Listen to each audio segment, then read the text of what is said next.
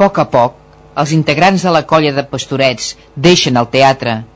No hi ha preguntes. No calen. El rostre del director, curiosament sense cap expressió, ho ha dit tot. A poc a poc, un darrere l'altre, surten del teatre i enfilen camí cap a casa. Les nostres cronistes també s'adonen. Passa que el com al teatre. Ja fa tres dies que no entren els dels pastorets i jo t'asseguro que d'aquí no m'he mogut. Si haguessin passat els hauria vist. Sí, m'han dit que ara assagen al local de Sant Antoni. Diuen que és més petit i poden escalfar-lo amb una petita estufa. Es veu que el claver passava molt de fred. Hi ha una finestra que no tanca i aquestes nits humides de tardor no podien treballar.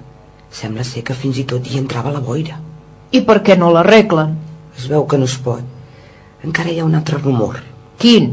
Explica, explica. És una mica increïble. És igual. Explica, explica. No sé si explicar-t'ho. Igual te'n rius. Vols fer el favor d'explicar-m'ho?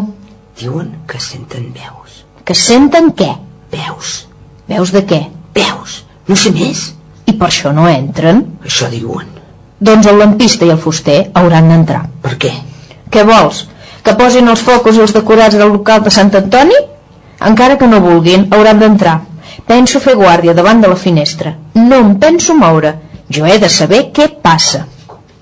És clar, allà no pot ser. Hauran de posar-los vulguin o no vulguin al claver. Encara que se sentin veus. Si et sembla, aquesta nit em quedaré a sopar.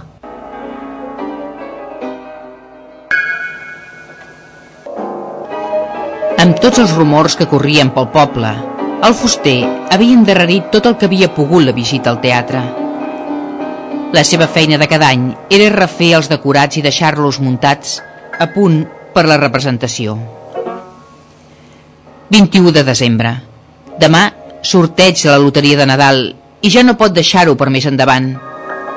Com dèiem abans, els pastorets eren tot un operador i el seu prestigi com a fuster apressava més que la possible por. No s'enfia de la foscor i va a mitja tarda. Però és mitja tarda al carrer, no al teatre on la foscor és la reina. La única claror és la que a cada cop de finestra hi entra.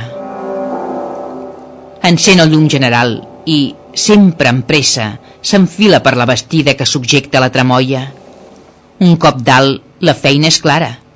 Una de les cordes que aguanten el decorat, al fer-lo baixar, s'ha tallat per l'ús.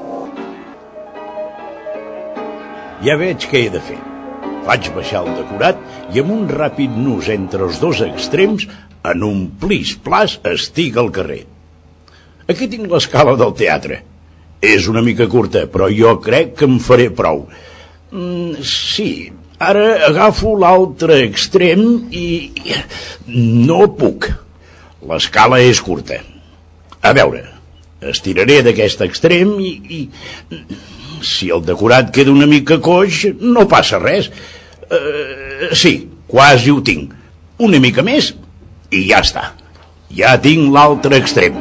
Ara, si poso el peu a la paret, ai, ja arribo. Faig el nus i baixo.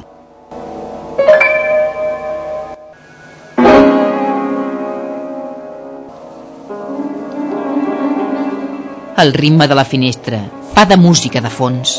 Les gotes de suor rodolen pel seu front i el clatell sent la fredor de l'aire fred que des de dalt s'orienta cap a ell. En el moment d'enllestir el nus, amb el final de la pressada feina als dits, sent... On és la Núria? Un moment de dubte fa trontollar tota la tramoia i la por, la suor i el batec del seu cor que es dispara. Concreten una idea. No hi ha res per arreglar. Se'n va ràpidament. Mentre surt amb totes les presses del món, No passa res per un any que no estigui tot perfecte. Ho has vist? No fa ni mitja hora que ha entrat i ja surt. Ja surt? Ja ho han llestit tot? No crec. Mira la seva cara. Està ben pàl·lid. I sua. Sí, sua. Però si aquesta tarda fa fred. Com és que sua? No ho sé, però sua? Aquí passa quelcom estrany. Doncs... Bé, sí, entri. No, no, aquí estic bé. Ja ens n'assabentarem. Un dia abans de l'estrena, arriba el torn del lampista. La seva tasca és la més concreta. Només ha de penjar un focus des de la balconada del pis de dalt centrat en la posició que ocuparà l'escena del pessebre.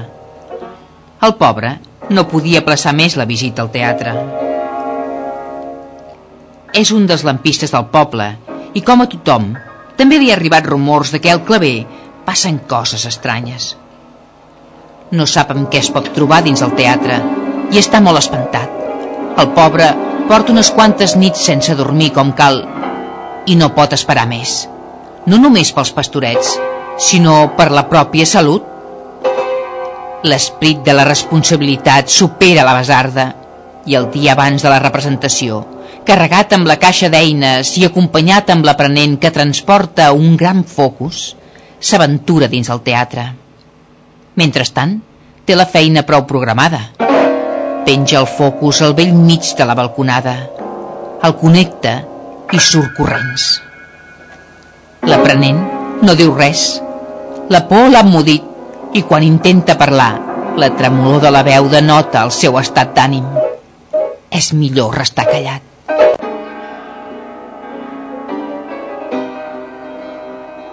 Mira, jo també tinc por. Entrem, pugem de pressa, connectem i sortim cames ajudeu-nos. Jo, com vulguis. Si, si vols, t'espero aquí fora. No, tu vens. Em fas falta. Com vulguis, però només és un focus. Si vols vaig cap al bar, t'espero allà i t'encarrego una cervesa. I un negre, tu vens. Pugen i connecten sense cap incidència. No sentia més soroll que el petar de dents de l'aprenent. Un cop acabada la feina, només restava provar la seva eficàcia. Ja més relaxats, i tots dos, amb mig somriure, veient proper al final d'aquella feina, enfilen cap a platea.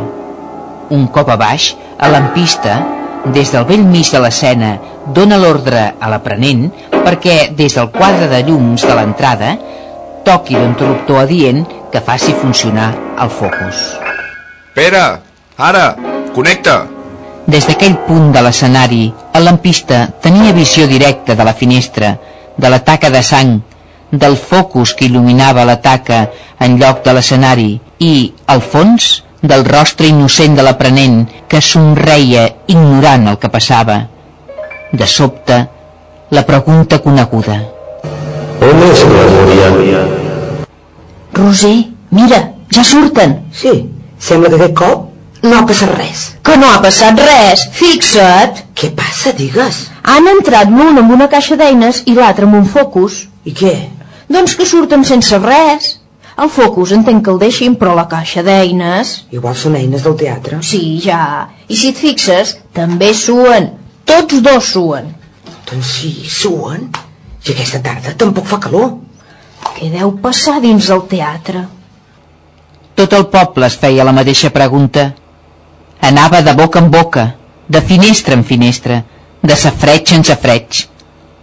Una pregunta que seria responsable del ple al teatre el dia de l'estrena.